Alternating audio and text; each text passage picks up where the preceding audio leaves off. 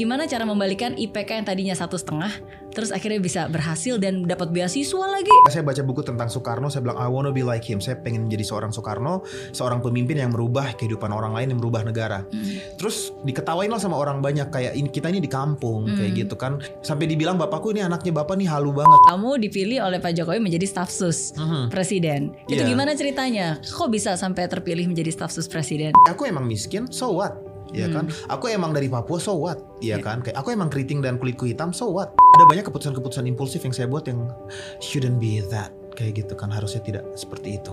Misalnya? Ah.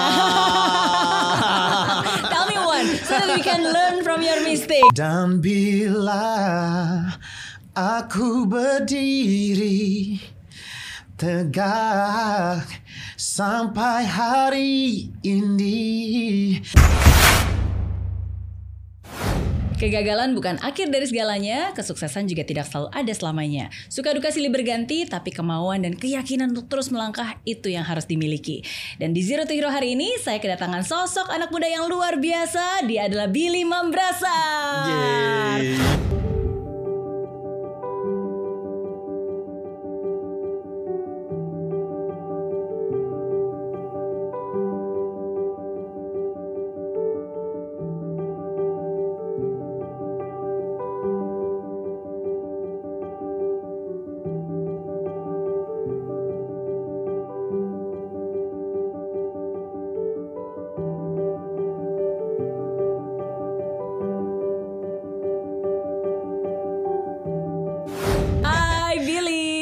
kasih Mbak Mary sudah mengundang di studionya. Sama-sama. Thank you sudah meluangkan waktu untuk iya. datang ke sini padahal Nunggu. sibuk banget. Yeah.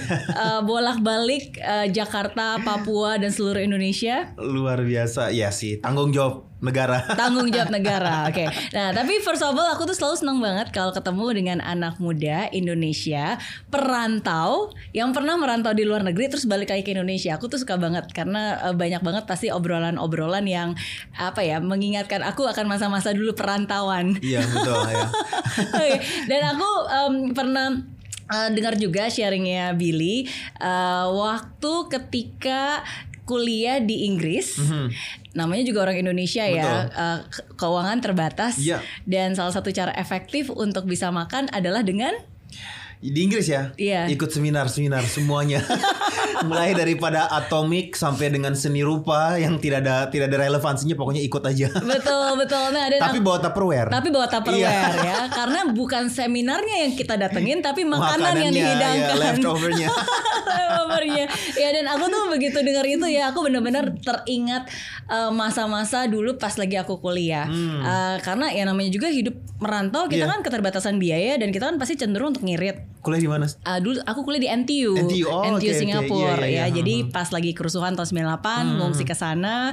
Terus ya karena bukan berasal dari keluarga kaya raya ya udah hmm. akhirnya ngutang sana sini dan uang terbatas. Hmm. Dan aku ingat banget waktu itu salah satu cara yang paling efektif adalah dengan uh, keliling kampus cari makanan gratisan, hmm, ya dan sama, persis, persis sama. sama. Jadi berawal dari satu event, wih ternyata ada makanan. Hmm, hmm, hmm. terus akhirnya aku ke SEO Student Affair Office hmm. untuk bisa minta semua daftar uh, acara yang ada di kampus hmm, hmm, hmm, di lecture theater berapa, hmm, jam hmm, berapa, ya udah kita keliling oh, aja datengin. SEO tuh masih manual ya? Dulu masih manual. Manual. Saya kan pakai Eventbrite. Oh. Jadi tengok oh. what's happening di sekitar Anda kayak semuanya saya ikutin kan. Wah, enak banget. Ada aplikasi. Ada aplikasinya event Eventbrite. Oke, okay. dan bukan hanya event di kampus aja berarti kalau gitu event di seluruh kota. Di, Wow. Tapi most likely yang ada makanannya itu di kampus memang. Iya, Iya. iya, iya. Tapi di iya. sana mostly semua event ada makanannya sih. Ada. Iya, iya, jadi kita persis banget. Jadi eh, aku ke student affair office, ya udah ngeliat jadwalnya, terus datengin aja. Jadi ke acara tea appreciation lah, udah gitu kayak kelas em, kelas macem-macem lah, kelas teknik, kelas mesin, kelas akuntansi, ya kan kelas agama, macam-macam semua pokoknya datengin Agama aja. juga agama yang beda lagi ikutinnya. iya, tapi ya ya itulah masa-masa dulu ya. Mhm. hmm. Bagaimana kita selalu mencari cara, cara ya hmm, untuk kre- bisa kreatif bertahan. untuk bisa bertahan bener. Hmm, Iya. Yes. Tapi mungkin kalau dari Billy sendiri memang udah dari sejak kecil terbiasa untuk mandiri dan berjuang. bukan hanya mandiri dan berjuang tapi survive. Jadi lebih bawahnya berjuang lagi itu survive. Karena orang tua saya itu kan tidak ada penghasilan karena guru honor. Jadi kadang-kadang dibayar, kadang-kadang nggak dibayar sama sekali pernah nggak dibayar setahun pernah. Jadi akhirnya ibu saya itu membantu dengan berjualan kue di pasar. Nah itu saya bantu survive. Jadi kuenya sebagian saya bawa ke sekolah sambil kuliah, sambil sekolah, sambil jualan. Oke, itu di Papua waktu di itu Papua, ya. ya, ya, survive. Sampai kelas berapa berarti di Papua? Sampai SMA. Sampai SMA. Tapi pas SMA sudah pindah ke ibu kota provinsi karena mau masuk SMA gratis dan itu SMA yang bagus tapi gratis. Oke, Gitu. iya. Tapi saya dengar-dengar memang luar biasa sih di rumahnya pun juga eh, tanah. Iya betul. Tanah lalu atapnya itu eh, orang Papua bilang atap rumbia. Jadi daun-daun sagu. Dan dindingnya itu dari pelepah sagu. Jadi betul-betul tradisional. Sampai kalau hujan tuh memang bocor terus kita alasi terpal ter- terpal tenda-tenda orang nikah tuh ya jadi mama habis acara orang nikah mama ambil tuh malam-malam kan orang-orang udah pada udah pada tepar semuanya diambil tuh terpalnya dia pasang buat buat jangan kena bocor jadi my survival instinct itu dari mama sebenarnya mama sangat survive sekali Hmm. Dan gak ada listrik pada saat itu. Gak ada listrik, gak ada listrik. Pakai pelita belajar, pakai lampu minyak sampai mulu, muka saya itu hitam-hitam besok sekolahnya. Hmm. Jadi diketawain temen-temen, wah itu lihat hidungnya hitam gitu kan, karena karena kan minyak kan minyak Iya, tanah iya, kayak iya. gitu. Jadi Tapi kan sekitar juga nggak punya listrik juga dong. Enggak, sekitar pada punya listrik. Eh, Oh, gitu. Iya, jadi tapi not all. Jadi sebagian yang mampu memasang instalasi dan bayar punya, yang enggak ya seperti kami enggak bayar. Seperti itu. Hmm, Hmm. Oke, em, waktu Billy kecil dan harus hidup di tengah eh, keadaan seperti itu, em, pasti punya cita-cita. Punya nggak? Punya. Jadi Apa saya sambil jualan kue itu tempat saya favorit nongkrong itu di persimpangan antara kantin dan perpustakaan. Hmm. Jadi sambil nunggu otomatis saya ngambil buku dari perpustakaan, saya baca kisah tentang Presiden Soekarno. Hmm. Dan itu kisahnya begitu menginspirasi sampai saya tahu ini insinyur itu apa sih? Kayak gitu. Akhirnya saya tanya ke orang tua, insinyur itu seperti apa dan saya pengen jadi seperti dia. Baik seperti dia, sekolah juga di tempatnya yang sama dan kalau bisa juga berprofesi seperti dia menjadi seorang yang dapat mengubah negara. Itu saya umur 13 tahun waktu SMP sudah berpikir seperti itu dan akhirnya ya puji Tuhan eh, bisa menjadi seorang insinyur seperti itu dan sekolah di tempat beliau sekolah juga Di ITB. di ITB ya Oke. Tapi perjalanan menuju ke sana itu yang tidak mudah. Tidak mudah, Karena butuh panjang. perjuangan yang luar biasa bukan hanya dari Billy. Pertama kan harus cerdas juga dong untuk bisa diterima di ITB. Betul. Tapi yang kedua berarti dari biaya orang tua juga. Betul. Jadi eh, saya waktu bilang bapak saya mau SMA, eh mau kuliah seperti beliau. Bapak bilang untuk SMA saja kita tidak ada biaya, apalagi kamu mau kuliah katanya. Jadi realistis. Eh, tapi saya orangnya seperti mama tidak pernah kehabisan akal. Jadi selalu selalu mencoba menembus batas yang paling susah sekalipun.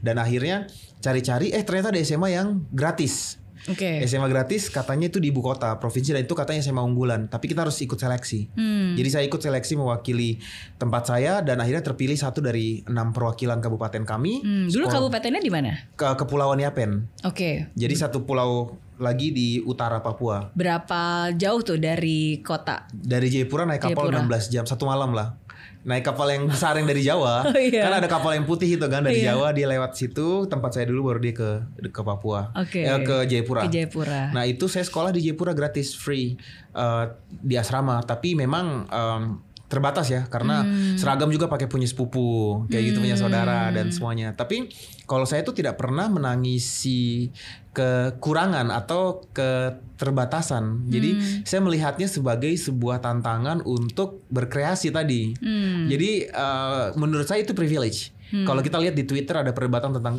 oh privilege, privilege sampai saya ikut-ikutan dituduh privilege kan waktu itu gara-gara gara-gara ditunjuk Pak Jokowi. Kata siapa saya privilege orang saya dari enam tahun udah jualan kue gitu kan. Tapi saya berpikir that thing, that problem, that difficulties is privilege. Adalah sebuah privilege untuk orang-orang. Ya. Karena akhirnya kita bisa survive dalam segala kondisi. Betul, Gitu. betul. Karena kalau kita hanya melaku, mau melakukan hal yang gampang-gampang aja, hidup kita akan susah nantinya. Betul. Tapi kalau kita sudah terbiasa melakukan hal yang susah, apalagi dari sejak kecil di saat muda, ya di situlah akhirnya Benar. kita menjadi luar biasa. Dan pemaknaan kita tentang hidup tuh jauh lebih dalam lagi akhirnya. Dan Hmm. lebih awal kita memaknai hidup tuh lebih awal usianya daripada mungkin orang-orang yang tidak eh, berasal dari latar belakang yang lebih lebih lebih baik ya. Oke. Iya, pemaknaan tentang bersyukur udah saya pelajari dari umur 6 tahun. Iya kan?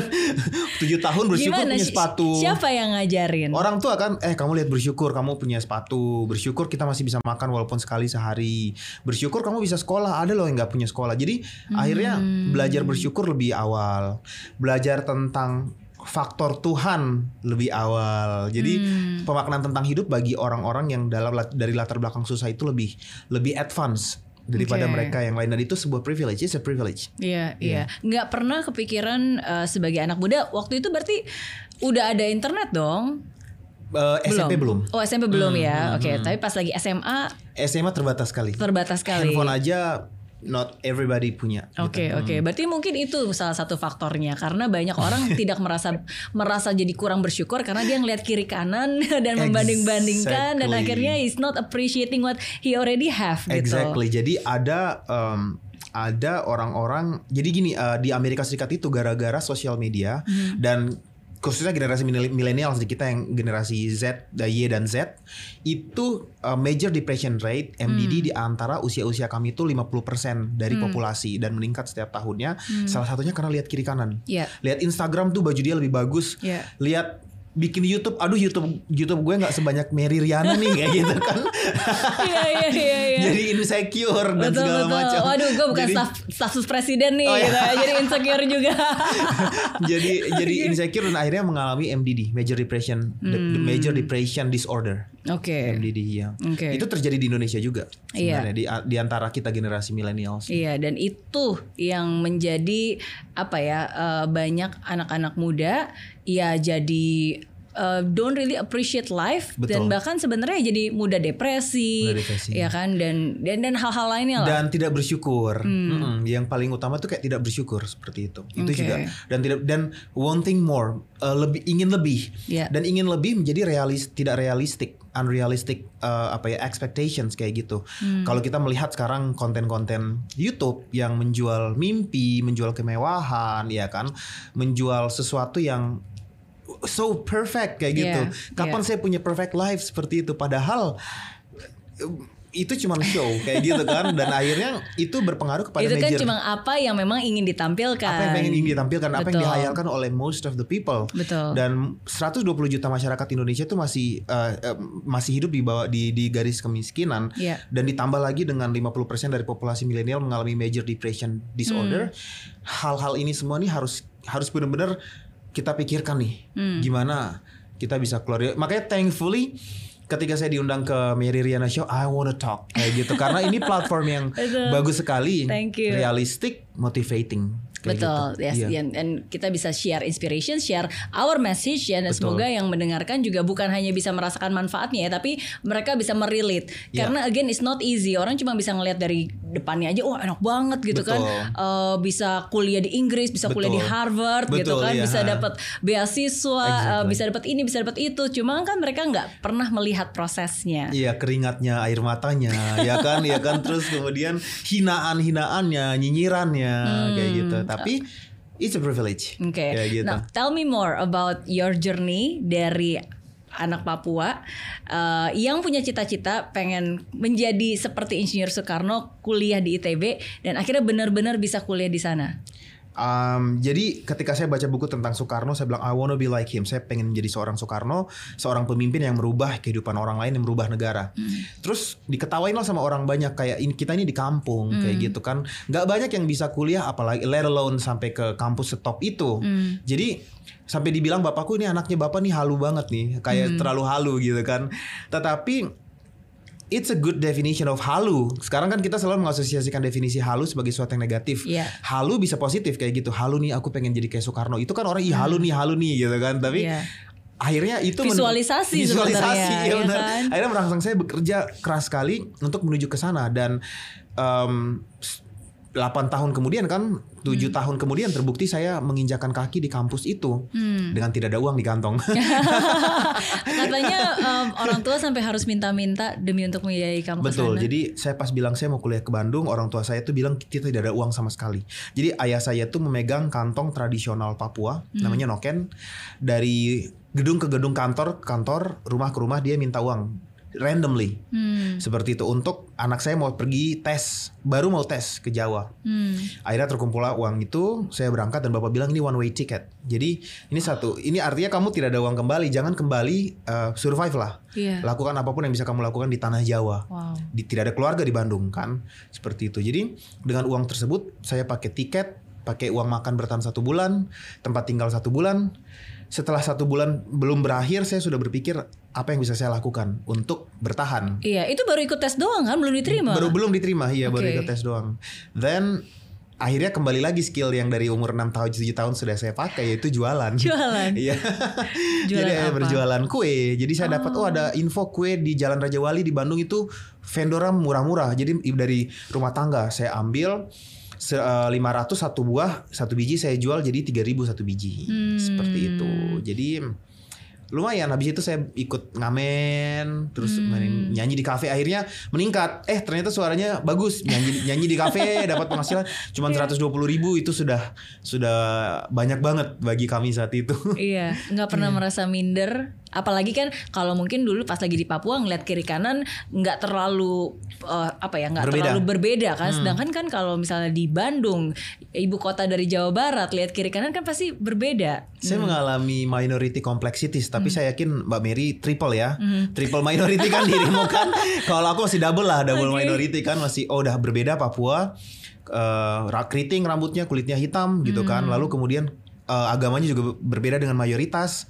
Dan saya masuk ke budaya yang cukup membuat saya shock seperti misalnya oh masjid banyak banget instead of gereja Hmm. di tempat saya kan gereja gereja gereja di sini masjid masjid masjid Iya. saya menyesuaikan diri akhirnya bisa gitu kan oh ya ada ada adapta, adaptasi orang-orang di Bandung juga baik-baik kayak gitu kan pengertian dan Hmm. Iya. dan baik-baik rendah hati lalu sekarang ke um, uh, economic Hmm. disparity jadi anak yang gak punya uang baju saya itu aduh pakai yang sama seperti itu kan Hmm. muka juga tidak terawat kayak gitu kan segala macam dan itu kalau dibilang minder minder banget Hmm. sempat sampai hampir drop sampai IP semester 1 saya itu 1,1,5 Hmm. dari 4 Wow. dan aturan di kampus saya kalau IP-nya di bawah 2 dua semester itu akumulasi maka otomatis drop out Oke. jadi saya udah was-was nih, aduh ini semester satu satu setengah, semester 2 gimana nih? Kayak gitu. Uh, kalau dua pas, Waktu itu ambil jurusan apa? teknik pertambangan. Oke, Hmm, akhirnya diterima ya, diterima Akhirnya di diterima, TB, iya. ambil teknik pertambangan, Betul. tapi ternyata IPK-nya satu setengah. Satu setengah dari empat. Wah itu udah Oke. antara hidup dan mati. Mau Ah. pulang nanti tidak bisa, mau survive seperti apa, kayak Hmm. gitu ya. Dan akhirnya satu skill survive yang saya pelajari paling utama adalah open minded. Hmm. Dan bergaulah dengan siapa pun. Seseorang yang aku takutin kayak seorang yang cerca-cerca menghina-menghina kayak dibilang keriting, dibilang kribo. Ternyata ketika aku minta dia bantuan, dia bantu. Hmm. Ternyata dia ceng-cengin itu mungkin karena dia sayang, tapi Iya. cara menunjukkan kasih sayangnya begitu. Bisa betul. jadi kan kayak Betul. gitu. Jadi open minded, terbuka, bergaul dengan siapa saja Ya, dan baik sama orang karena kebaikan itu nanti balik ke kita Iya. ternyata. iya. Begitu. Iya, Hmm. tapi itu benar banget sih kalau tadi Billy bilang tentang um, merasa minoritas ya. Maksudnya buat saya pribadi, uh, sometimes kadang-kadang saya nggak ngerasa minoritas. Maksudnya ngerasa biasa aja Biasa gitu. aja, hmm. And sometimes kadang-kadang mungkin ketika kita merasakan hal tersebut, itulah yang membuat seseorang jadi bisa lebih sensitif. Jadi ketika Exactly. orang melontarkan kalimat tertentu atau melakukan hal tertentu gitu, uh, ya mungkin dia jadi lebih sensitif karena dia pun merasa seperti itu. Tapi Betul. kalau kita aja nggak merasa, kita ngerasa sama aja kok nggak ngerasa berbeda gitu. Ya, ya sometimes ya itu nggak nggak apa ya uh, kita nggak terlalu ki- nggak bakal masuk ke dalam pikiran kita juga. Betul, betul Mm-mm. sekali. Jadi ketika saya ditanya terus kemarin-kemarin ini tentang isu rasisme kan diskriminasi, rasisme. Bersuara dong tentang rasisme, bersuara dong tentang diskriminasi. Saya bilang saya bersuaranya dengan cara menunjukkan prestasi dan saya mengajak Ya. semua kita yang dari minorities tunjukkan prestasi dan kontribusi kita buat negara ini. Ya, Jadi nunjukin bahwa kita anak bangsa juga, kita negara. Akhirnya nanti orang akan melihat, oh ya mereka mereka keren gitu, mereka juga part of us kayak gitu. Jadi akhirnya dibilang, kamu kenapa nggak bersuara? Saya pernah mengalami, saya tahu rasanya seperti apa being discriminated kayak gitu. Dan cara paling efektif adalah buktikan bahwa mereka salah yaitu dengan berkontribusi ya. Dan berprestasi. gitu. Oke. Nah, tapi kan tidak mudah ya. Eh, apalagi Tidak anak muda ya kan katanya emosinya labil gitu naik turun. Nah, untuk Billy sendiri gimana cara membalikan IPK yang tadinya satu setengah terus akhirnya bisa berhasil dan dapat beasiswa lagi. Iya, iya puji Tuhan semester 3 udah dapat beasiswa moving forward kan. Jadi semester 2 kemudian saya main sama semua orang. Mau latar belakangnya mau Islam, mau Kristen, mau Batak, mau Chinese, mau Betawi, mau apa pun itu saya deketin siapa yang bisa berteman dengan saya dan yang pinter-pinter saya ajak ngobrol dan ternyata mereka mau bantuin. Ayo Bill kita temenin belajar yuk. Ayo ayo kayak gitu mereka jadi Iya. simpati. Iya. Seperti itu kan. Oke. Dan akhirnya saya ditemenin belajar, kemudian dampingin sampai akhirnya nilai saya tuh dua setengah ya. Iya dua setengah. Oh, lumayan. Iya lumayan. Jadi akumulasinya tuh 2,05 kalau Iya. nggak salah kayak gitu. Iya. Jadi pas banget di atas di atas ambang batas.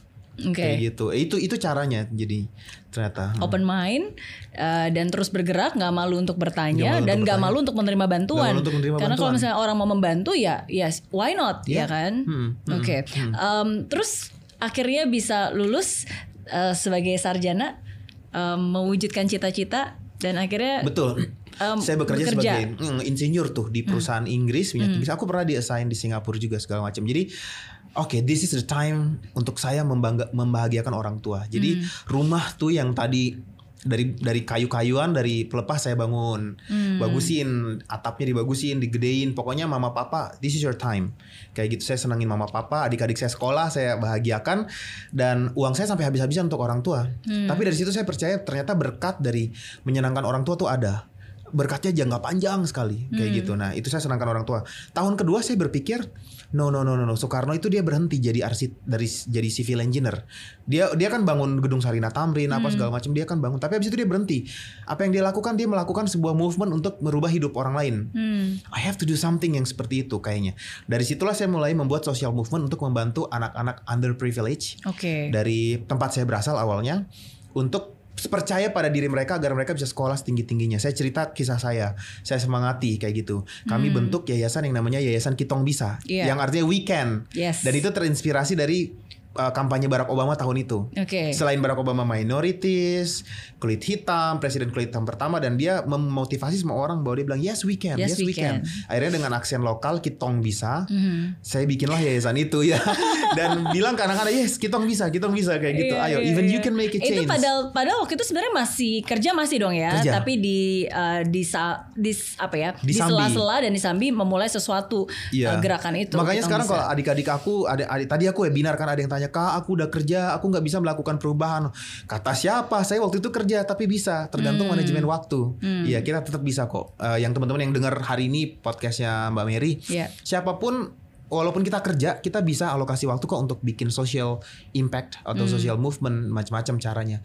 Dan itu yang saya lakukan di sela-sela waktu. Hmm. Pulang kerja, saya ngajar. Hmm. Habis itu Sabtu Minggu Iya waktu saya masih di Jakarta masih belum diassign ke belum diassign ke lapangan ya. Iya. Saya masih insinyur yang di kantor ditaruh di Jakarta sini. Saya pergi mengajar sampai ke Muarangke. Jakarta Oke. Utara masih ada foto-fotonya ya.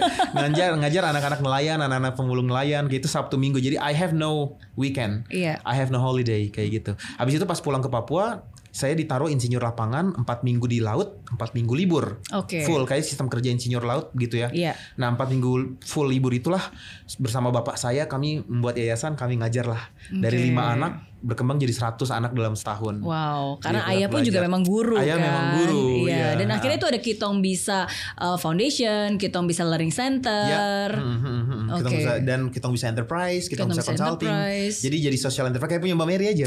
Saya tahu ada kopi lah, ada apalah tuh macam-macam di Iya, depan. iya. Tapi Ada. semua bermula dari uh, satu ide kita kembangkan dan akhirnya dari hal yang kecil itulah kita tekuni ya nanti akan berkembang. betul sekali. Hmm, hmm, Oke. betul. Nah, em, lalu berarti ke Inggrisnya kapan dong? Soalnya kayaknya banyak banget yang aku ngeliat S2 di Australia, udah gitu S2 lagi di Inggris, Hmm. Iya, terus udah gitu S3 di Harvard Harvard. ya. Hmm. Jadi pas aku S2 di Australia aku belajar bisnis untuk mengembangkan movement aku biar bisa memberikan dampak dan aku pengen ngajarin orang-orang bisnis juga. Hmm. Setelah itu aku penggemar Harry Potter. Jadi aku baca buku Harry Potter 1 sampai 7 tuh berulang-ulang aku Oke, nonton oke. di pesawat kalau naik tuh ada Harry Potter aku nonton lagi. Oh, iya. Walaupun udah udah tahu nanti mau jadi apa kayak gitu. Jadi ah ini syutingnya di Oxford, aku pengen rasain sekolah di Oxford seperti apa. Hmm. Selain untuk kepuasan diri aku, aku pengen memotivasi anak-anak ini. Hmm. Kayak eh lihat nih anak dari kampung bisa tembus ke sana. Kalian pun bisa. Nah, tentunya kalau kita motivasi dan kita nggak tunjukin kan Iya. susah. Akhirnya saya ikut seleksi masuk Oxford dua kali. Yang pertama di reject, Yang kedua diterima. Hmm. Pas diterima, saya sekolah di sana mulai 2017. Uh, dan itu saya pakai cerita untuk menginspirasi Hmm. uh, bagaimana bisa sekolah di Oxford walaupun terbatas kondisi finansial kita cerita kita susah sekali anak kampung Betul. yang dari nggak ada listrik ya kan bisa kayak gitu jadi sekarang kalau saya ke seluruh Indonesia keliling Indonesia sampai ke kampung-kampung NTT perbatasan Timor Leste kayak gitu kan sampai ke Kalimantan saya ngomong ke mereka saya dari tempat Yeah. jauh juga sama kayak kalian. Jadi kita anak-anak Indonesia tuh bisa. Hmm. Bayangkan di Oxford, Singapura yang penduduknya cuma 5 juta, Ya. yang kuliah di sana itu lebih dari 100 orang. Hmm. Indonesia yang 270 juta orang kurang dari 15 orang, 10-an lah. Hmm. 10 11 orang. Apa yang menurut Billy eh, menjadi berbeda dan akhirnya Billy bisa mencapai mimpi itu? Karena kan again Hmm. em, banyak orang punya mimpi tapi lebih banyak yang nggak bisa mencapainya. Hmm. dan Billy termasuk yang akhirnya, wah semua mimpinya bisa tercapai dan bisa berhasil. Jadi perbedaan antara orang yang berhasil dan gagal adalah orang yang gagal itu mereka berhenti padahal mereka dikit lagi udah mau berhasil. Hmm. Jadi kalau saya tuh tidak pernah percaya bahwa saya harus berhenti. Jadi orangnya tuh dibilang kekeh, kayak bahasa Sunda kekeh, kayak terlalu uh kayak pokoknya kue ini kalau belum lah, habis ya, ya. kalau belum habis mau jam 10 malam pun saya nggak mau pulang kayak gitu kan. Iya. Pantang pulang sebelum kue jualan saya habis dan itu sudah dari umur 6 ya, 6 tahun, 7 tahun. Hmm. 9 tahun saya bawa kue, saya takut pulang kalau belum habis karena mama galak. Karena mama galak banget. Jadi, jadi itu yang saya bilang privilege punya mama galak kan. Jadi hidup mama-mama galak Indonesia yes, ya. yes. Disiplin ya. Iya. Iya, karena kalau kita nggak digalakin sama orang tua kita, akhirnya kita jadi lembek. Iya, bener Iya kan? sih sama hidup akhirnya jadi lembek. Jadi lembek. Jadi Bener. saya punya pengalaman. Saya pernah diundang pidato di PBB tahun 2017 kan dalam Uh-huh. acara Youth Assembly uh, dalam social entrepreneurship. Lalu di situ ada teman dari UK, dari representasi UK yang dia menangis tentang child labor kayak gitu. Mm-hmm. Kita harus menghentikan child labor pada usia mereka disuruh kerja pada usia 9 tahun. Kita nggak boleh itu. Aku dalam hati aku bilang, "Wah, ini mama aku bisa dilaporin nih." ke PBB. Anak-anaknya umur 9 10 tahun dia udah suruh kerja semuanya jualan Iya. dan mama Indonesia yang lain Oh, dan yang lainnya karena kondisi dan situasi kondisi dan kan. situasi seperti itu. Tapi Oke. itu privilege aku punya mama yang membuat aku ketika Betul. kemudian pertanyaan Mbak Mary, what makes you keep going kayak Iya. gitu. Ya, number one it's because of my mom kayak gitu. Hmm. My mom, mama saya bilang membuat saya harus keep going sebelum sebelum apa menyerah. Misalnya saya disuruh beli sampo Sunsilk, eh nggak boleh sebut merek. Boleh, nggak Sampo, apa-apa. boleh. sampo sebut saja. Iya.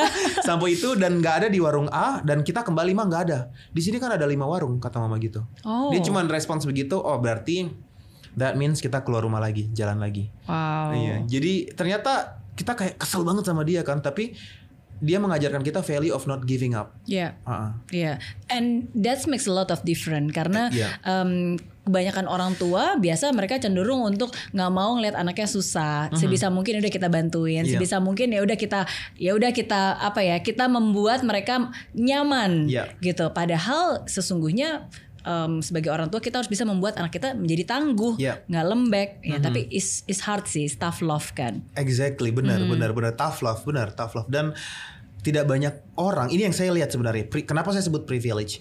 Eh, saya nggak menyetujui definisi privilege itu dari latar belakang ekonomi yang punya disebut privilege yang nggak punya disebut privilege. Hmm. Bagi saya definisi privilege adalah mereka yang memiliki orang tua yang punya tough love Hmm. dan educating, educating. Hmm. Saya berkeliling Indonesia dari Sabang sampai Merauke. Saya melihat banyak sekali anak-anak yang tidak punya privilege, Hmm. punya orang tua yang mampu mengedukasi mereka. Dan saya punya privilege itu, orang tua yang mengedukasi, mengajarkan, mendorong, menyemangati seperti itu. Ya, Nah. jadi galak nggak apa-apa galak gak apa-apa. demi anak ya. Demi anak ya justru kalau terlalu dibaiki nanti anak-anaknya nggak nggak bisa survive gitu Oke kan. oke. Hmm. Tapi aku salut em, sama satu hal yang mungkin sering kali diajarkan oleh orang tua Billy ya, bahwa katanya harus menjadi pejuang. Ya, Tapi pejuang itu berarti nggak boleh merasa menjadi korban. ya, Pejuang itu nggak boleh merasa miskin. ya, betul, betul. Hmm. Jadi uh, victimizing diri kita itu nggak bagus secara psikologis. Jadi dia, Hmm. dia membuat kita selalu menempatkan diri menuju kepada ketidakmampuan. Hmm. Jadi orang yang suka memviktim, iya memang aku salah, memang aku nggak bisa, memang aku bodoh, memang aku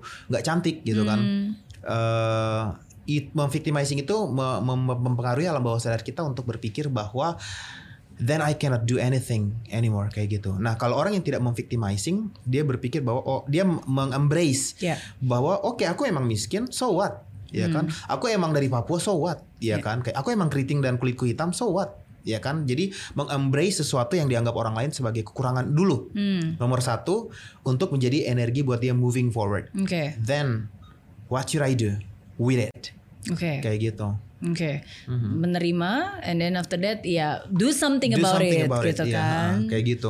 Oke dan itu dari sejak kecil sudah ditanamkan Dari dan kecil. bukan hanya ditanamkan tapi ditunjukkan juga Ditunjuk. oleh orang Saya pernah tua. Jualan kue bawa plastik lalu dihina oleh ibu-ibu. Dan ibu-ibunya tuh dari dandanannya dia yang super bersih dan dengan segala macam perhiasan itu kayaknya ibu-ibu pejabat deh. Oke. Terus kayak yang ih ini nggak banyak kuman nih plastik eh, di plastik kantong plastik ini juga belum mandi lagi kayak gitu kan. Terus intinya diusir lah dihina dan diusir dan saya lari ke bapak dan saya bilang, "Duh, gimana sih saya mau jualan tapi udah dihina seperti ini." Bapak bilang pilihan kamu adalah balik lapar kita serumah atau kamu maju ke rumah berikutnya. Kayak gitu. Jadi sit- itulah cara-cara mendidik yang akhirnya aku maju dan akhirnya hatiku tuh udah begitu keras terhadap hinaan. Iya. Jadi kemarin di dihajar netizen udah ya udahlah ya. Ikhlas. Ikhlas ya. ya udahlah ya.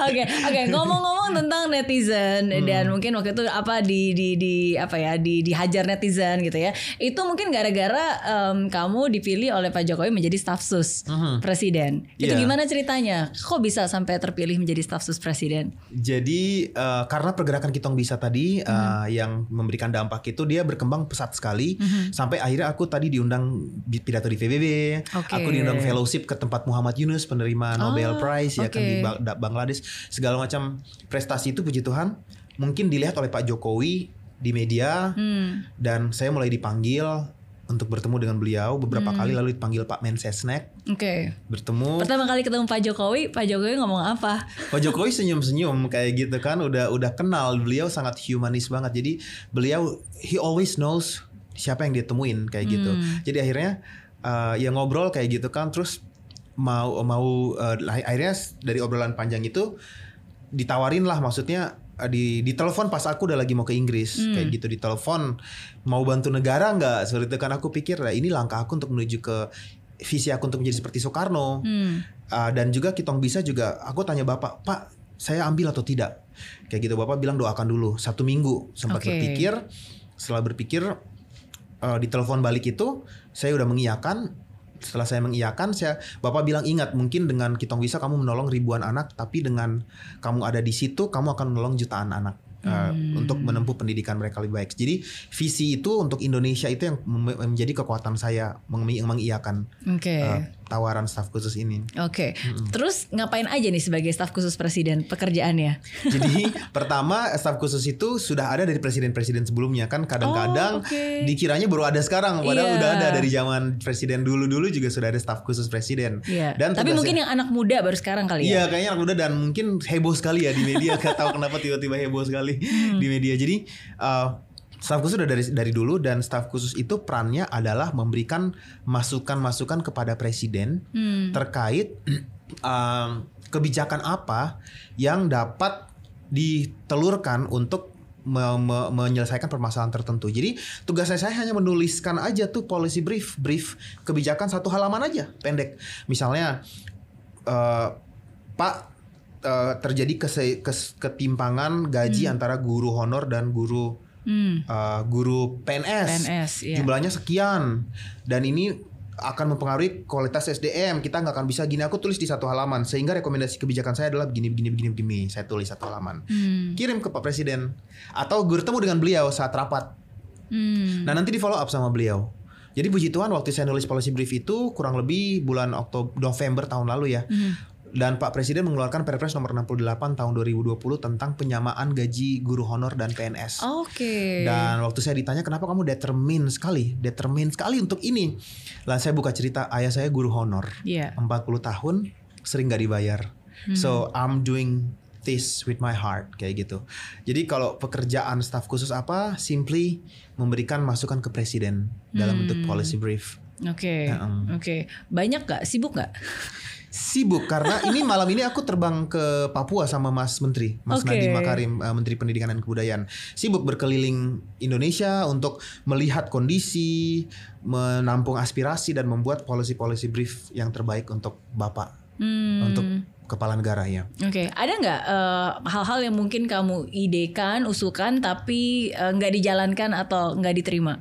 Ada misa- ba- baru saja kemarin saya mengirimkan policy brief untuk Bapak mengucapkan selamat hari masuknya Injil di Oke. Papua ya. Terus eh, tapi Bapak merespons dengan baik dan cukup make sense kok. Bapak mengatakan eh, untuk eh, eh, apa untuk ucapan dari presiden itu disampaikan pada saat hari-hari besar keagamaan dan Oke. Bapak udah berusaha untuk semua agama di Indonesia itu di cover.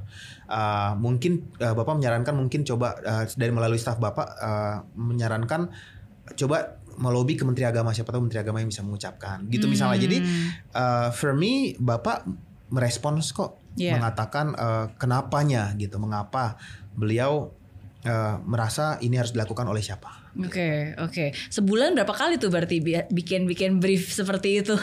seminggu bisa dua brief. Oh, iya? seminggu bisa dua brief, tiga brief. Apalagi kalau kunjungan ke daerah, brief, brief, brief, brief, brief, gitu Oke. kan policy brief ya. Iya, iya. Banyak sekali. Jadi eh, apa ya? Mungkin menjadi eh, melaporkan dan menjadi eh, penyambung antara apa yang Billy lihat di lapangan, permasalahannya seperti apa, ya, kurangnya di mana, dan solusinya seperti apa, dan baru itu mungkin dipropos. Siapa tahu itu bisa menjadi sebuah kebijakan yang akhirnya bisa di di apa dimaksimalkan, Betul. Dan, diimplementasikan. dan klien staf khusus itu kan Pak Presiden. Hmm. Jadi bukan kami bukan ke kementerian, kami bukan ke lembaga yang lain, kami ke Pak Presiden dan Pak Presiden yang nanti menggunakan itu sebagai masukan beliau untuk membuat executive order gitu kan ke lembaga di bawah dia. Hmm. Oke, oke. Stres nggak?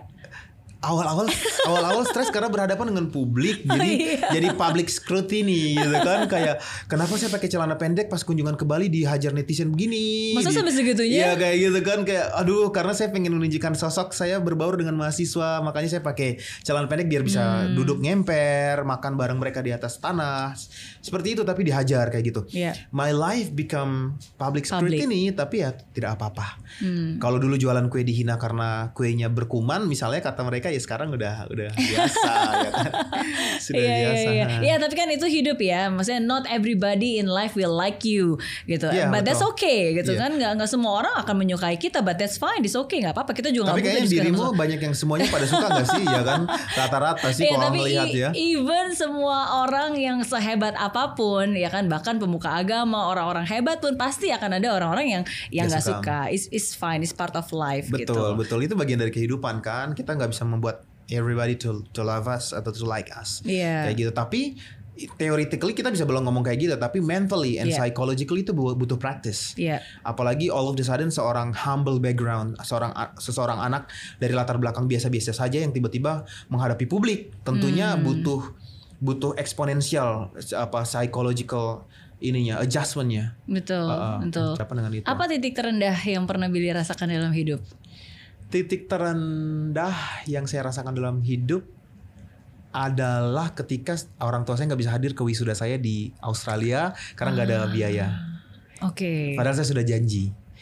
Terendah karena saya udah janji, itu aja sih. Saya udah janji ke papa mama, ah, tapi nggak bisa karena nggak ada biaya, karena tabungan saya nggak cukup. Waktu itu ada something happened, Hmm. kalau nggak salah, jadi saya tidak bisa.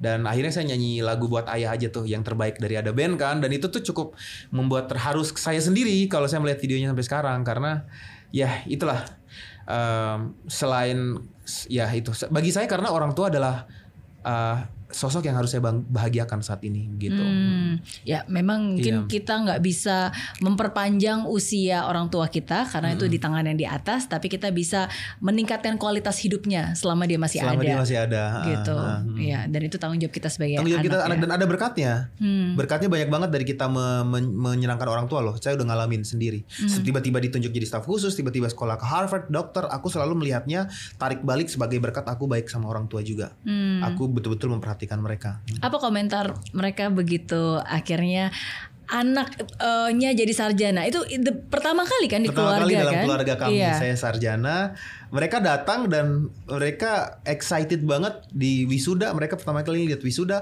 nggak boleh bawa bawa kamera. Papa saya tetap jebret-jebret. Ini di ITB di gitu ITB ya. ya. Oke Jadi mereka sangat excited dan mereka bilang gila ini kebanggaan keluarga sekali. Semoga kamu bisa menginspirasi lebih banyak anak lagi gitu. Oke, apa nasihat yang paling diingat dari orang tua untuk Billy? Nasihat yang paling saya ingat Mhm. uh, dari ayah saya adalah hidup ini untuk melayani. Hmm. Jadi lakukan dan manfaatkan hidupmu untuk membuat perubahan dan dampak dan kamu akan mem- memperoleh kebahagiaan yang tidak pernah habis gitu. Hmm. Jadi karena ayah saya kan guru honor 40 tahun, dia lakukan dengan senang hati. Sampai sekarang dia juga masih ngajar di usianya menjelang 80 tahun, ya kan? Iya. Wow, masih ngajar. masih ngajar, masih ngajar dan ngajar di yayasan kami juga dan juga Oke. dia pelayanan di penjara. Setiap weekend dia ngunjungin napi-napi dan Oke. membagikan makanan bersama mama. Wow. Dan mereka happy. Mereka a happy old couple. Hmm. Hmm. Iya, Oh, iya. iya itulah uh, ya sometimes apa ya kebahagiaan seseorang itu tergantung ya bagaimana dia bisa memaknai hidupnya Iya, dan dia betul. tahu exactly gitu apa yang penting dalam hidupnya. Iya, betul betul sepakat. Jadi uh, dan ketika kalau dari filosofi ayah saya itu adalah ketika orang lain bahagia tuh bahagianya nular ke kita dan dua kali lipat. Misalnya nih saat kita orang lagi nggak ada duit lapar banget lalu kita ngasih dia makan dia kenyang happy dia kan happinessnya dia yang kita rasakan tuh nanti dua kali lipat Hmm. jadi memang kebahagiaan itu nular dan stay everlasting di dalam memori kita dalam fotografik uh, dalam alam apa amig amigdala Amigdala betul betul. ya. dalam amigdala kita eh, dia akan terus terngiang-ngiang dan memberikan kita kebahagiaan. Oh, aku pernah bikin Iya. hal baik. Gitu. Iya iya. Nasihat dari ibu, dari mama? Jangan menyerah. Jangan Get out. menyerah. Go. Kayaknya mama yang lebih galak daripada papa Iya. ya. Iya ya. iya, tapi aku memaknai gesturnya gitu. Jangan pulang, cepat kerjain lah. Itu artinya don't give up, don't give up. Jangan menyerah, jangan menyerah, jangan menyerah Oke. gitu. Jadi Mereka my- galak cuma ke Billy doang atau ke, Ke adik kakak yang lain ya kan lima kakak. bersaudara kan kamu.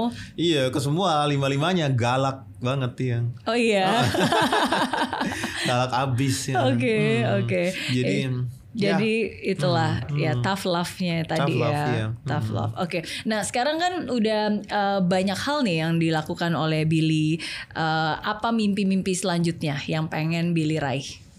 Mimpi-mimpi selanjutnya yang pengen Ya. aku raih adalah aku pengen uh, mengembangkan Yayasan Kitong Bisa ini menjadi sekolah yang memiliki kurikulum uh, yang dapat di menjadi acuan buat sekolah-sekolah lain tentang Hmm. bagaimana bagaimana mendidik manusia, memanusiakan manusia untuk menjadi manusia yang seutuhnya berdasarkan kurang dan lebihnya. Terdengar sangat pedagogikal ya, pedagogikal dan sangat-sangat ini sangat filosofis. Yang kedua, saat ini aku juga sedang mendorong terbentuknya informal learning centers dari Sabang sampai Merauke agar bisa memberikan akses kepada anak-anak dari underprivileged Ya. uh, definisi underprivileged adalah mereka nggak punya supporting system untuk pendidikan mereka. Hmm. Jadi supporting system itu apa? Baik financial maupun orang tua yang mampu menyemangati mereka atau mendidik mereka. Hmm. Jadi informal learning centers ini saya kejar untuk berdiri di banyak tempat Oke. di provinsi dan saat ini kita sedang diskusi dengan berbagai pihak untuk me- meluncingnya. Oke. Khususnya di daerah-daerah yang terluar. Indonesia Timur ya Indonesia kayaknya Timur. memang yang kayak Hmm. Kitong bisa pun juga eh, sebenarnya awal mulanya lebih banyak dialokasikan untuk Indonesia Timur. Yes, betul. Hmm, hmm, Iya, di Indonesia iya. Timur. hmm. Oke, oke. Ya karena mungkin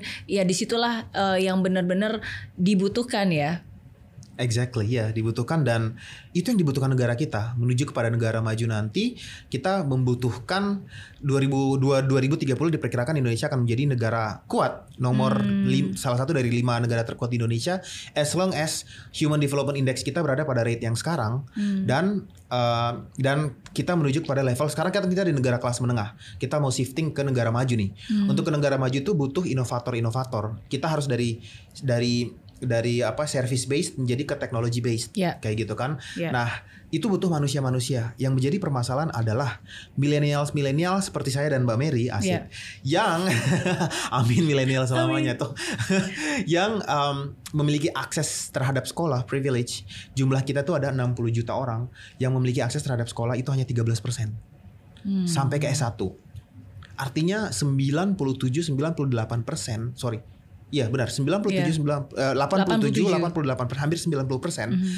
uh, millennials Indonesia itu tidak pernah menginjakan kaki di bangku S1 Hmm. and most of them drop out di SMP. Hmm. Semuanya karena underprivileged tadi. Ya. Kondisi ekonomi Mungkin dan karena memang keterbatasan dia harus Keterbatasan. membantu orang tuanya untuk bekerja, menghidupi keluarganya, menafkahi dan mungkin ada beberapa yang perempuan juga sudah nikah. Ya. Ya kan? Jadi kerjanya di dapur, di sumur, di betul kasur. betul betul ya, ya dan kan? terlebih perempuan jadi untuk ada satu anak laki-laki yang tidak bersekolah ada dua anak perempuan lain yang tidak bersekolah satu banding dua kayak gitu dengan pandangan bahwa anak perempuan nikah aja ya kan segala macam nggak usah sekolah tinggi tinggi dan seterusnya dan memang uh, itu menjadi masalah pelik untuk menuju kepada negara Indonesia menjadi negara negara inovator, long way to go sebelum inequalities ini ketimpangan ini harus kita selesaikan. Nah, Oke. ketimpangan ini caranya dengan membuat informal learning centers tadi, pusat-pusat belajar informal yang memberikan akses buat mereka Iya, belajar. iya, setuju, setuju. Karena eh, kalau saya bisa dari semua, kalau misalnya if you're talking about um, eh,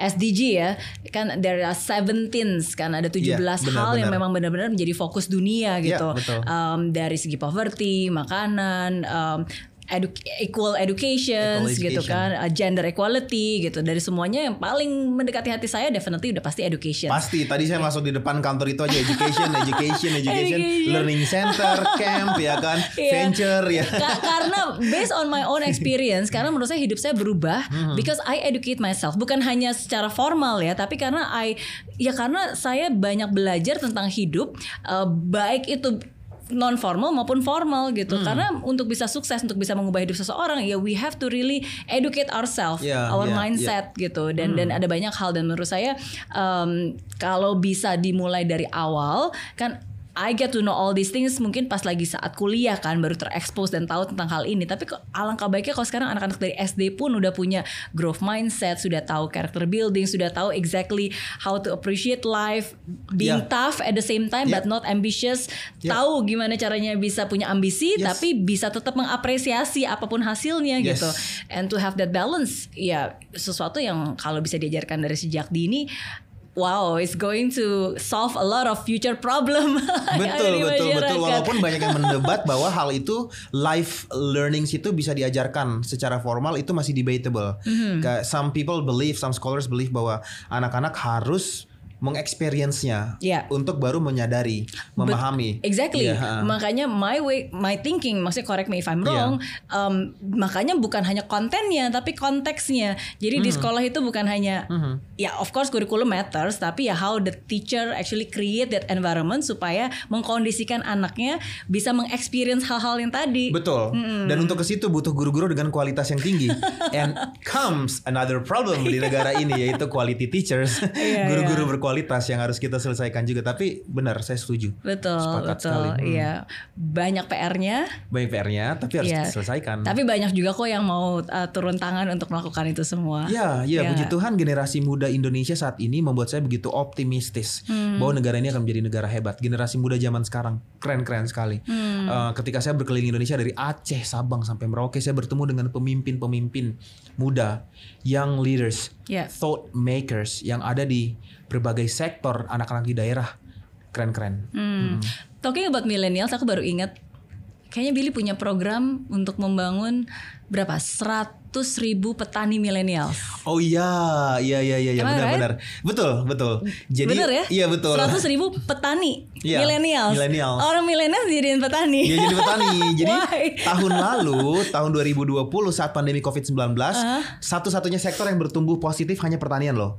Plus 16%. Yang Oke. lainnya semuanya negatif dan merah. Oke. Dan satu-satunya sektor yang mengalami peningkatan tenaga kerja adalah pertanian. Hmm. Dan tenaga kerja yang paling banyak didominasi di tenaga di pertanian itu adalah anak muda.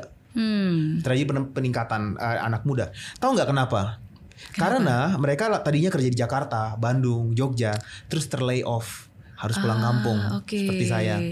Pas di kampung apa yang bisa dikerjain? Bertani, Iya. ya kan? Jadi terjadi growing numbers jumlah incidental farming anak-anak muda yang terpaksa harus bertani karena nggak ada pilihan lain untuk hidup. Nah mereka nggak punya skill kayak gitu. Hmm. Jadi aku berpikir sama Pak Mentan Menteri Pertanian, let's do something about it kayak gitu. Muncullah angka yuk mereka kita kasih skill biar mereka Hmm. bisa um, bisa apa bisa bertani dengan tepat guna dan Oke. akhirnya ketahanan pangan negara kita juga meningkat kayak Iya, gitu. iya. Dan, mereka stay di di- kampung. Dan dengan digital sekarang ada banyak muncul tani hub dan yang Ya, lain-lain kan. Iya, iya dan negara-negara seperti Selandia Baru, Belanda itu mereka backbone ekonominya pertanian loh. Dan anak-anak mudanya loh yang bertani Iya. pakai apps, pakai drone ya kan. Nyiram bunga Iya, pakai iya. drone ya kan. Iya. Jadi em, awalnya mungkin millennials yang tadinya kerja di kota, eh, Hmm. cuma gara-gara pandemik akhirnya mereka ya udah pulang kampung. Em, awalnya mungkin cuma sementara ya, tapi ternyata mereka jadi tetap di sana Ya, permanently. ya dan mereka harus harus bertani, harus bercocok tanam. Hmm. Seperti itu harus melakukan they had no options kayak gitu kan. Tapi mereka harus punya skill biar bertaninya benar, biar produktif, biar economic scale naik.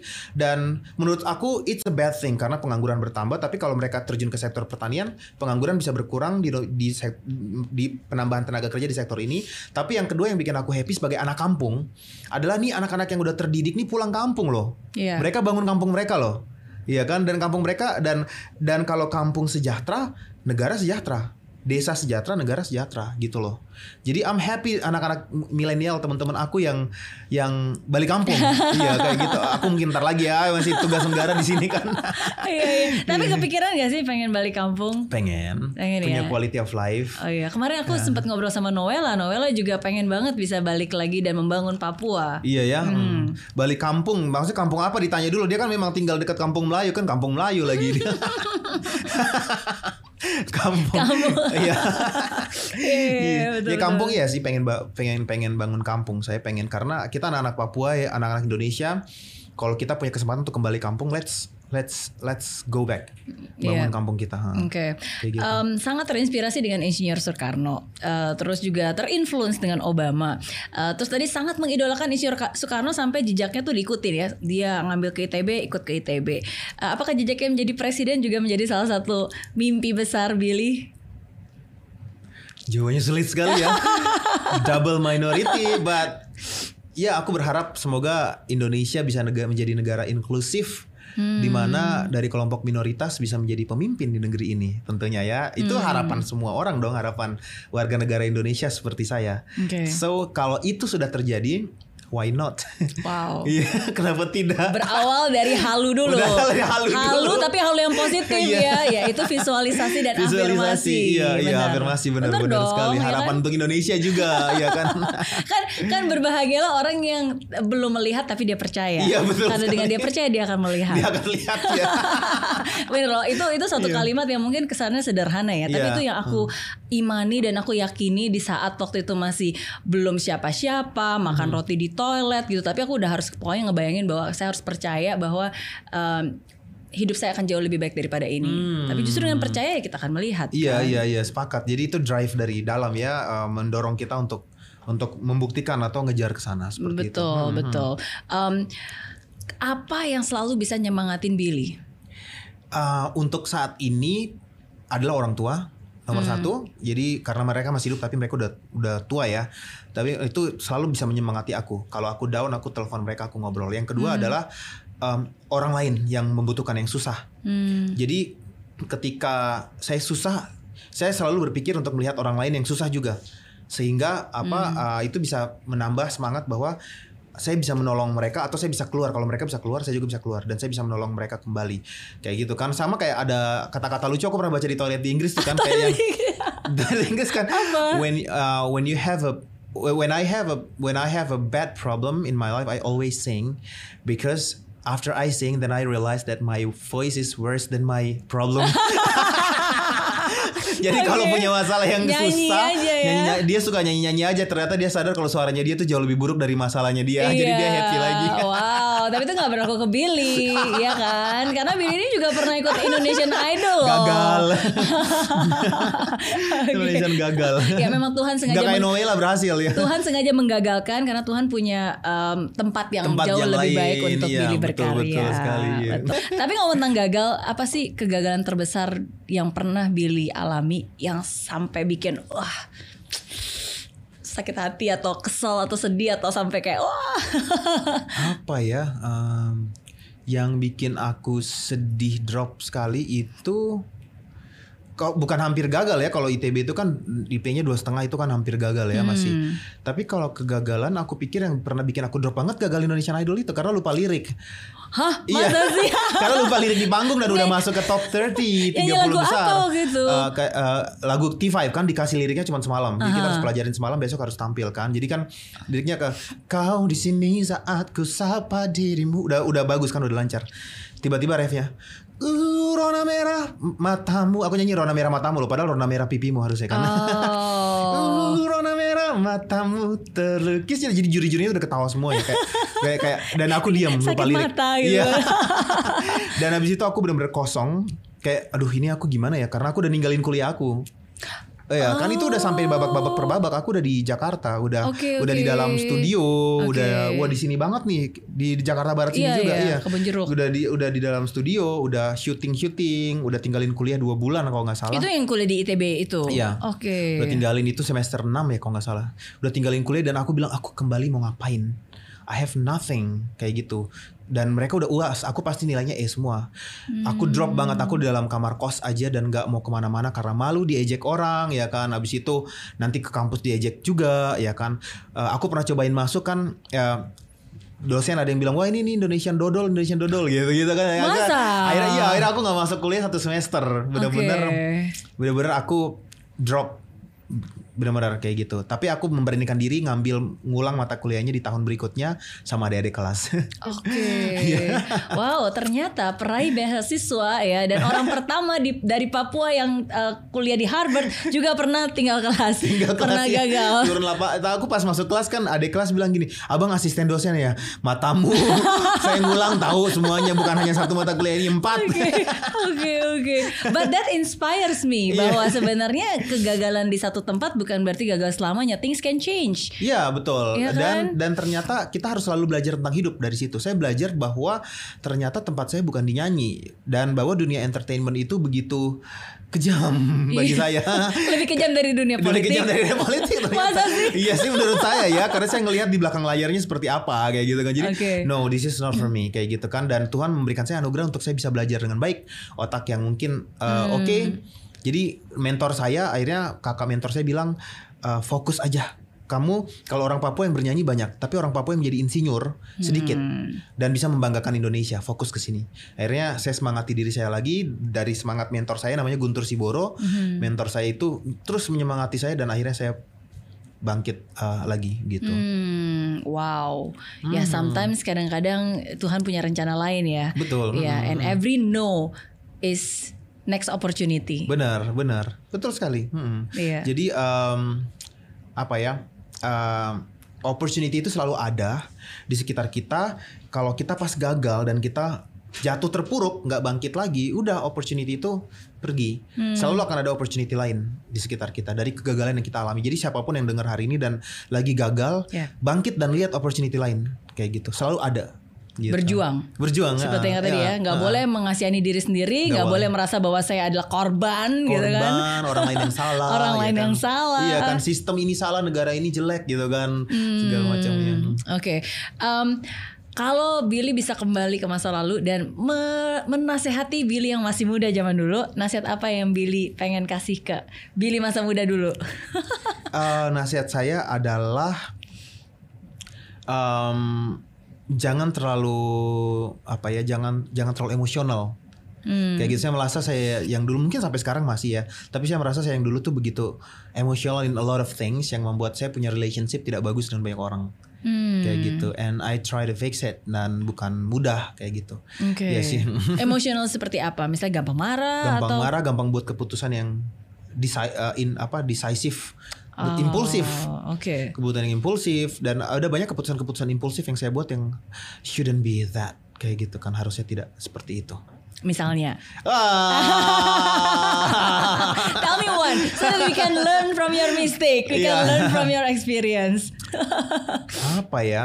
Banyak ya, misalnya membeli sesuatu yang tidak dibutuhkan. Oh. Mem- me- meminta pisah dengan orang yang kita sayang terus kita menyesal habis itu sampai menyesalnya sampai sampai sekarang-sekarang gitu kan. Yeah. Oh iya ya. Tapi about that kan kalau dari kita ngomongin sama Billy kita ngomongnya serius banget ya ngomongin tentang pendidikan, ngomongin Hmm. tentang petani, ngomongin tentang memberikan impact.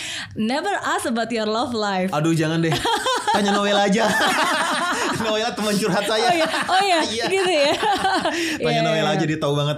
Okay, but but you know what? The quality of our life it really Iya. depends on the quality of our relationship. Aku ng- ngiri lihat foto-foto Mbak Mary loh dengan suami dan anak di pantai ya kan dan ada tuh quote-nya family is something something Iya, something iya. ya kan. But when I mention about the quality of our relationship bukan hanya quality of Family. relationship with just our loved Oh. one, tapi our relationship with ya people Orang around lain. us, Iya. our relationship with God gitu. Karena Iya. itu sangat meng-affect dan sangat mempengaruhi sih. Sepakat dan saya masih belajar sampai sekarang untuk menjaga relationship itu baik Hmm. dengan orang lain kayak gitu loh. Jangan sampai saya ya itu nggak bahagia ketika relationship saya itu terganggu. Iya. Dan itu semua selalu karena saya yang salah bersikap atau salah berkata-kata. Saya pikir saya pengen menasihati diri saya yang dulu lebih baik di situ. gitu.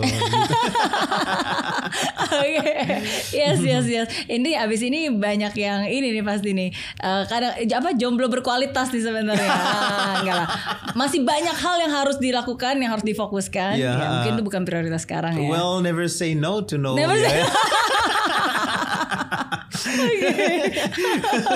Ya, Oke, seperti itulah. oke. Hmm. Yes yes. Oke, what's in your prayer? Biasanya apa sih yang selalu didoakan Billy? Um, yang saya doakan adalah Tuhan tolong berkati bangsa Indonesia agar uh, bangsa ini bisa menjadi bangsa berkat uh, buat orang lain, uh, buat seluruh dunia. Yang kedua, doa yang selalu saya doakan adalah uh, Tuhan tolong berikan kekuatan kepada kepala negara yang memimpin negara ini agar dia diberikan kesehatan, kekuatan untuk memimpin negara ini.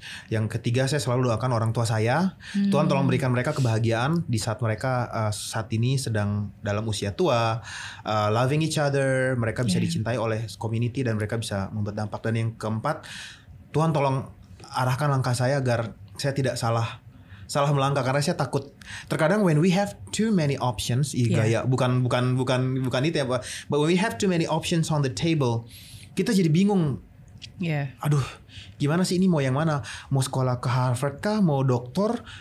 Saat ini juga berangkat ke Amerika? Hmm. atau staf khusus dulu? Atau bisnis aku gimana nih? Atau yayasan aku bagaimana? Kayak aku mau ke mana sih? Ini tiba-tiba ada tawaran nih ayo kita kamu ke misalnya partai ini atau Hmm. apa. Ini banyak banget. When we have too many options kita nggak tahu mana jalan yang benar juga. Betul. kayak gitu kan. Itu doa saya setiap hari untuk membuat keputusan tidak impulsif tidak terlalu decisive berlebihan tapi tepat Hmm. itu empat doa saya setiap hari negara Wow. presiden orang tua dan saya sendiri Oke oke dan dan itu sering kali menjadi dilema anak muda sekarang ya Mhm. karena kan kita hidup we are I think we all very privileged karena kita hidup di di tengah-tengah di mana ada begitu banyak kesempatan. I think there are more opportunity for us young people compared to our parents last time kan.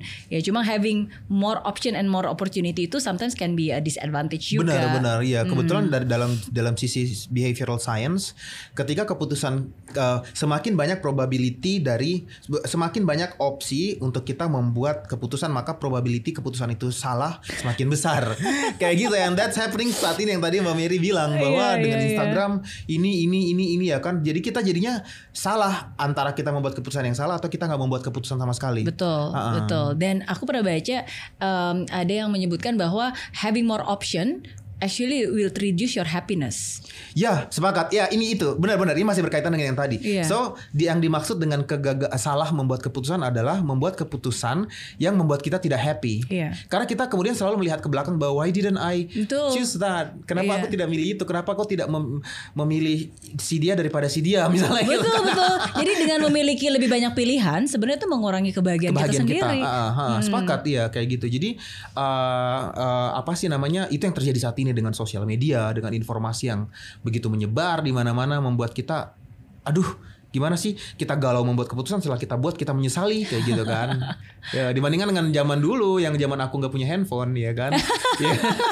nggak tahu siapa yang lagi ngapain ya kan Betul betul betul. Ya tapi at the end of the day ya kita juga harus um, apa ya beradaptasi dengan keadaan. Ini keadaannya seperti ini ya we just do our best and God will do the rest. Ya. sepakat ya Kedengarannya klise tapi sometimes hal yang sesimpel sederhana itu ya uh, it really means a lot. Betul, betul. Yang tadi Mbak Mary bilang uh, mem- mem- memaksimalkan ambisi dan rasa syukur itu adalah tadi percaya bahwa saya sudah melakukan yang terbaik dan sisanya Tuhan God God God God's willing kayak gitu. Heeh. Oke. Lastly, message buat semua anak-anak muda yang juga uh, pengen bisa berhasil, pengen bisa punya mimpi dan mewujudkan mimpi itu dari Billy. B- Pesan saya buat anak-anak muda yang hari ini dengar show this amazing show ya dari Mbak Mary Riana adalah satu tidak ada mendengar cerita saya tadi tidak ada mimpi yang tidak mungkin dicapai. Hmm. Semuanya mungkin sekali siapa pun Anda, latar belakang kamu, agama kamu, gender kamu, kondisi ekonomi kamu, suku kamu, ras kamu, eh, dari mana kamu berasal, gak akan membatasi kamu untuk dapat mencapai cita-citamu. Always believe and make it happen kata Agnes Monica kan, kayak gitu. Jadi always believe, eh, percaya dan selalu eh, percaya dan eh, dan dan dan dan wujudkan itu dan kerja keras nggak ada mimpi yang yang yang mustahil untuk dicapai jadi teman-teman yang hari ini dengar yang berada dalam titik terendah keterpurukan kekecewaan desperation sudah mendengar cerita kita hari ini bangkit masih banyak opportunities yang lain untuk dicapai kayak gitu terus Kitong maju. bisa. kitong bisa even you can make a change Kitong bisa. Kitong Yeah. tuh bahasa apa sih? Eh, kalau orang-orang di Indonesia Timur ya Ambon eh, NTT Papua itu kita kita biasa bilang kalau di Ambon katong kalau di eh, Papua, Papua, kitong Kitong. Oke, Kitong Jadi, bisa. iya, Kitong Yes. bisa. yes, yes. Tapi seru banget sih. Aku eh, tiga kali mungkin ya pernah ke eh, ke Papua, Jayapura, Merauke, waktu itu ke Universitas Musamus dan eh, seneng aja sih untuk bisa berbagi dengan mereka. Di sana kan mereka haus untuk bertumbuh, mengubah hidupnya, belajar. Ya. Sepakat, ya. Musamus kan di Merauke. Merauke betul. Ngapain Musamus di Musamus Merauke. Mbak Mary? Sampai Waktu itu, itu. waktu itu diundang untuk ngasih uh, seminar motivasi dan Oh, wow. menyemangati mereka. Berarti sudah gitu. sampai di titik terluar Indonesia, titik terjauh di, Indonesia di kan? Merauke sampai ke Iya, titik nol Sampai ya. titik nol Ya, Indonesia dan, kan? dan aku seneng banget karena um, suatu hari aku lagi ke mall sini terus aku lagi di WC terus tiba-tiba ada nyamperin Miss Mary aku dulu ngikut di Musamus dan aku sekarang udah di Jakarta untuk mewujudkan mimpi aku karena dia waktu itu See? dia pengen kuliah di Wow. Jakarta tapi nggak dan dan pengen bekerja di Jakarta gitu dan Ah. akhirnya ya bisa berhasil dan itu aku is maybe simple banget ya Simple, ya. cuma kayak komentar singkat yang uh, di WC tapi itu it really makes my day Itu yang tadi aku bilang teori tentang ketika kita membuat orang lain bahagia, berhasil, kebahagiaannya dia tuh di kita dua kali lipat kayak gitu. Jadi kayak dia na- apa mantul balik lagi ke kita gitu kan. Hmm. Iya, Dan itu selamanya. iya, selamanya, Stay betul, forever betul. Ya kan. Betul, betul. Aku- Jadi tambahan pesan buat anak-anak muda lakukan kebaikan sebanyak-banyaknya. Ah, Uh, biar happy. Oke, Makin banyak keba- kebaikan makin happy kita. amin. Amin. Nah, Walaupun kebaikan nggak selalu dibalas dengan kebaikan ya. Gak harus dibalas dengan dusta. Oke, oh, terakhir, terakhir nih. Mumpung ada Indonesian Idol di sini, Noella nggak? harus nyanyi, harus nyanyi. bukan aku kan harus bukan nyanyi. Nggak apa-apa, harus nyanyi. Lagu favorit apa? Lagu favorit apa ya? Hmm. Yang Aduh. selalu menyemangati atau terserah lagu apa? Eh, apa ya? Kalau ditanya lagu aku sih, aku iya. sih sampai em, em, dan karena cinta ya dari almarhum Glenn Fredly. Hmm, hmm. Dan bila aku berdiri tegak sampai hari ini bukan karena kuat dan hebatku. Semua karena cinta semua karena cinta tak mampu diriku dapat berdiri tegak. Terima kasih cinta. Wow. Nyesel nih juri-juri Indonesian Idol Nggak mendepak ini ya Wow luar biasa Keren Thank you so kasih, much ya. Terima kasih Mbak Mary atas ini suatu invitations-nya. hari beneran jadi penyanyi bikin album nih. Seriously, seriously. You have such a beautiful voice. Thank you so much. Betul, ya. Dan sukses terus buat Billy. Sukses buat Mbak Tetap Mary juga. semangat. Terima kasih. Ya kan dan eh, jaga kesehatan ya apalagi Siap. di tengah-tengah seperti ini jam terbangnya juga wah ke mana-mana. Iya, Oke siap, dan siap, salam siap. buat teman-teman yang ada di Papua juga. Disampaikan salamnya. Oke, dan friends semoga apa yang saya berikan hari ini bisa bermanfaat. Jangan lupa juga untuk subscribe karena Billy juga punya channel YouTube. At Billy Membrasar di channel YouTube ya. Nah. Oke, dan uh, Instagramnya juga bisa diikutin. Ya, at Billy Membrasar juga Instagramnya. Very boring ya. Oke, dan ikutin aja keseruannya dan semoga uh, kisah dari Billy hari ini bisa memberikan inspirasi dan semangat untuk Anda semua dan percaya bahwa tidak ada yang tidak mungkin, kita mampu, kita bisa melampaui batas kemampuan kita. Tapi kunci cuma satu, fight till the end and never give up. Kita bisa. Bye.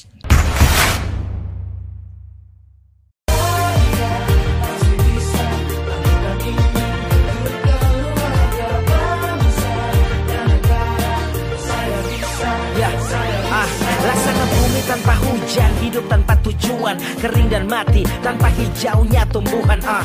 Demikian kalau mimpi tak kunjung terjadi